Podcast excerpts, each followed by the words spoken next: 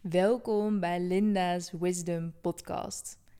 Eindelijk heb ik de zesde episode voor je online. Er hebben een uh, aantal weken, of zeg maar gerust heel wat weken tussen gezeten, tussen de laatste episode en deze.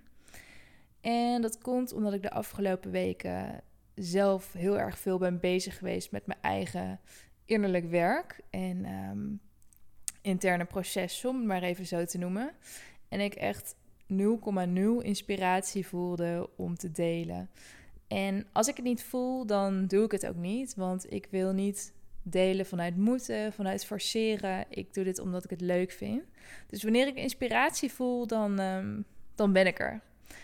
En nu, ik voel me echt beter dan ooit. Ik heb super veel inspiratie. Dus ik verwacht dat er de komende tijd veel uh, op het podcastkanaal gedeeld gaat worden. Ik wil de komende tijd ook veel meer over mijn eigen proces gaan delen. Dus niet alleen uh, kennis en informatie die ik heb, maar ook de processen die ik zelf meemaak, waar ik zelf doorheen ga, waar ik de afgelopen jaren uh, doorheen ben gegaan en wat ik daar allemaal in heb geleerd. Want ik denk dat het echt heel waardevol kan zijn voor veel mensen. Ik heb het zelf vaak namelijk gemist. Um, en dat komt ook omdat het over een aantal onderwerpen gaat die soms nog een beetje in de taboehoek zitten of waar niet over wordt gesproken. En het is tijd om dat helemaal open te breken. En daarnaast vind ik ook dat het tijd is voor um, ja, eigenlijk een nieuwe generatie van persoonlijke ontwikkeling en spiritualiteit. Daar heb ik zelf ook echt ontzettend veel in gemist. En um, nou, daarom ga ik het zelf maar brengen in deze wereld. Want ik denk dat hier, nou, ik, ik weet wel zeker dat meer mensen hier blij van gaan worden. Zelf heb ik altijd heel erg een haat-liefde verhouding gehad met spiritualiteit. het is altijd wel op een of andere manier aanwezig geweest in mijn leven. Maar het heeft heel lang geen prominente plek gehad en ontzettend op de achtergrond gestaan. En uh, nou, ik zal je uitleggen hoe dat zit. Mijn oma die had vroeger een uh, spiritueel centrum. En daar gaf ze allerlei lezingen, workshops over uh, spiritualiteit, over uh, paranormale onderwerpen, maar ook over belangrijke levensonderwerpen zoals relaties en eenzaamheid. En gewoon eigenlijk de fundamentele dingen in het leven waar we allemaal mee te maken hebben. Ze heeft ook ontzettend veel boeken geschreven. Um, ze reisde heel veel door Nederland en België om daar te spreken over deze dingen. En kun je je voorstellen dat in haar tijd dit echt nog een taboe was. Zeker spiritualiteit en paranormale gaven. Dat was echt in die tijd. Zij was er tijd echt ver vooruit. En intussen is het best wel populair. En zie je dat nou ja, de yogascholen, bij wijze van spreken, echt uh, als paddenstoelen uit de grond schieten. En het helemaal niet meer vreemd is om te vertellen dat je ergens een energetische healing hebt gehad of wat dan ook. Wordt steeds normaler. Uh, maar voor die tijd was dat echt. Um, ja, zij was echt wel een pionier. En ik had een, uh, een hele leuke connectie met mijn oma. Ik kwam daar heel veel over de vloer. Ook omdat ik daar praktisch naast woonde. Dus ik vond het echt super leuk. Ook tijdens mijn middelbare schooltijd. Om uh, ja, veel bij haar langs te gaan en om uh, over het leven te kletsen. En ze heeft me super veel geleerd over, um, ja, over van alles en nog wat. En ze had ook regelmatig dus persoonlijke boodschappen voor je die ze dan doorkreeg. Uh, dus ja, kan je zien als een soort reading. Dus voor mij is dat eigenlijk nooit iets vreemds geweest. Er zijn mensen die, die dit soort dingen heel moeilijk te begrijpen vinden. Maar als je daar als kind mee bent opgegroeid. En als je zo'n oma hebt, dan uh, nou, is daar echt niets vreemds aan. En het mooie was ook dat ze ontzettend down to earth was. Dus ook al was het voor die tijd misschien nog um, heel erg taboe.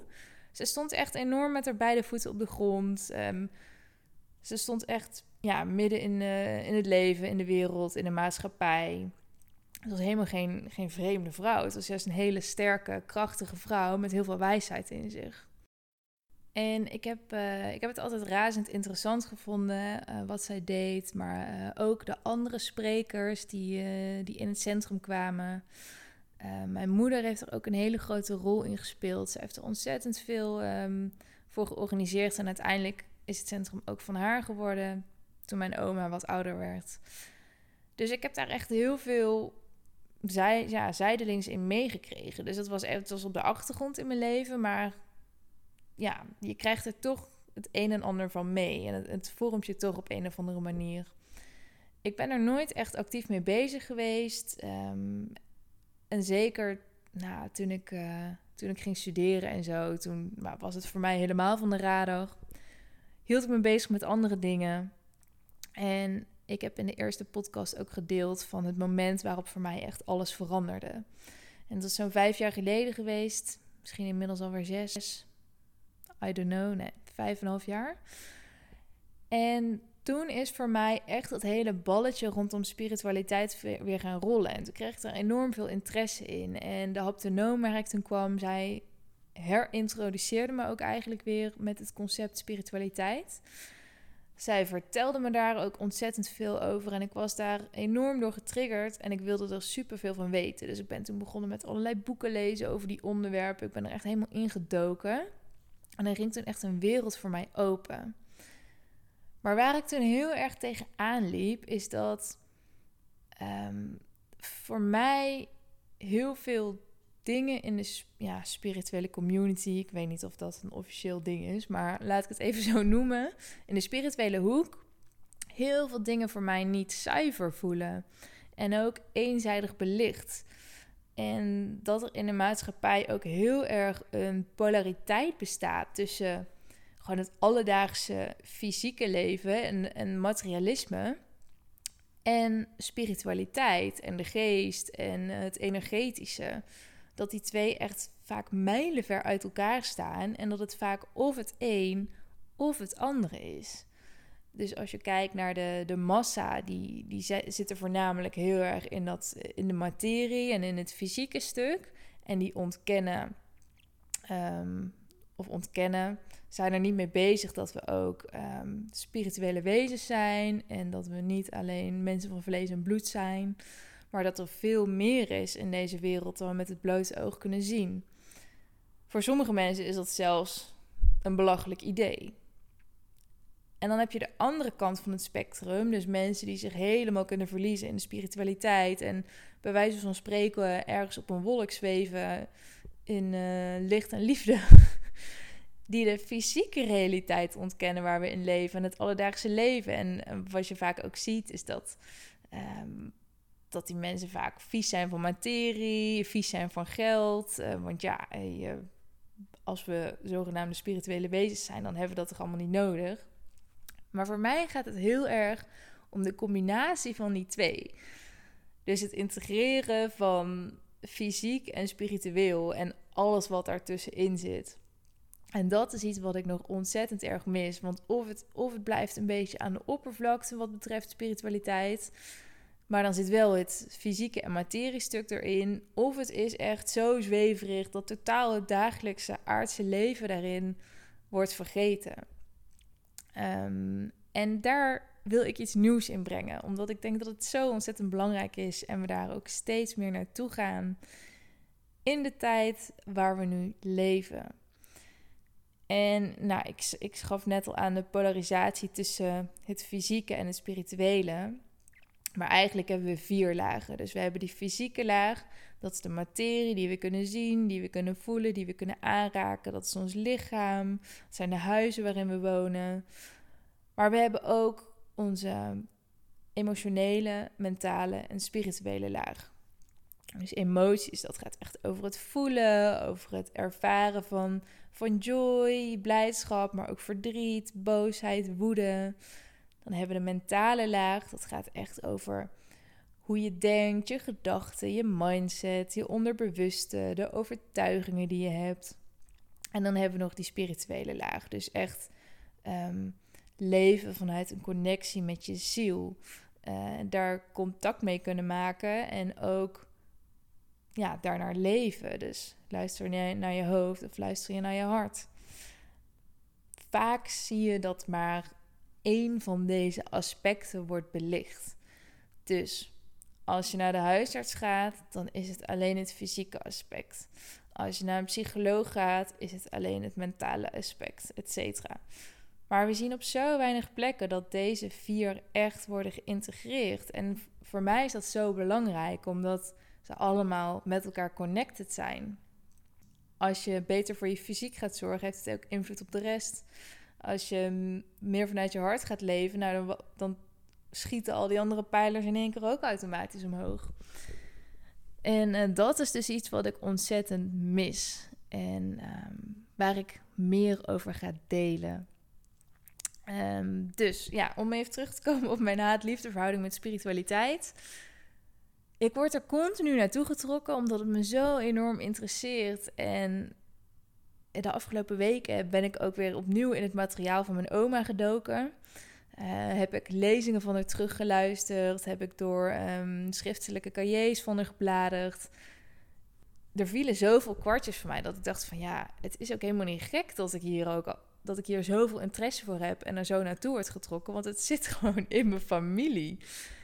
Uh, zij vond dit ook razend interessant. Uh, mijn moeder vindt het ook razend interessant. Terwijl, even voor de duidelijkheid, de moeder niet de dochter van mijn oma is, maar het is de oma van mijn vaders kant. En ik vind het ook razend interessant. Dus het is gewoon wie ik ben. Maar ik hou ook heel erg van het aardse, van het materiële, van, van gewoon mens zijn, van leven en um, van het praktisch maken en het van het concreet maken. En wat kunnen we daar dan mee?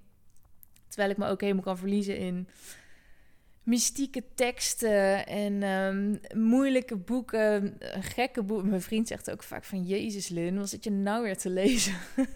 uh, nou, je kan ervan uitgaan dat als het een gek boek is, wat over diepgaande dingen gaat, dat ik het interessant vind. Ik lees dus eigenlijk nooit normale boeken. En ik ben dit stuk in mezelf steeds meer gaan omarmen. Van ja, ik ben gewoon wie ik ben en ik vind het gewoon echt super interessant. En ik heb ook nog de kwaliteit om alle inzichten die ik opdoe, de lessen die ik leer, de ervaringen die ik meemaak, om dat om te zetten naar hele concrete, uh, praktische stappen. Ik hoor dat ook terug van de mensen die mijn Yoga Nira cursus doen. Van je legt het zo helder, duidelijk, beknopt en um, gebonden uit. Maar goed, om hem weer even terug te pakken naar die vier lagen waar ik het net over had. Dus over fysiek, mentaal, emotioneel en spiritueel. Vaak is het zo dat we als mens um, voorkeur hebben voor één of twee van deze lagen waar we ons meest op focussen. Voor heel veel mensen in onze maatschappij is dat de fysieke en de mentale laag.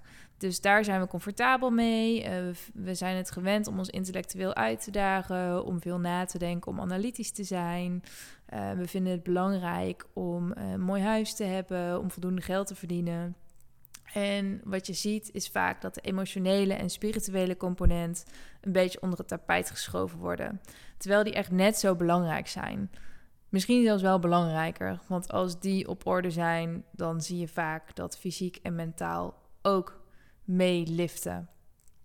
Bij sommige mensen is het dus uh, is het anders. Die richten zich juist, met name of heel erg op spiritualiteit en die vergeten het aardse stuk. Uh, of die zitten continu in de emotie en die ja, vergeten het rationele stuk. Dus het gaat er voor mij heel erg om dat die vier in balans zijn en dat ze met elkaar geïntegreerd worden.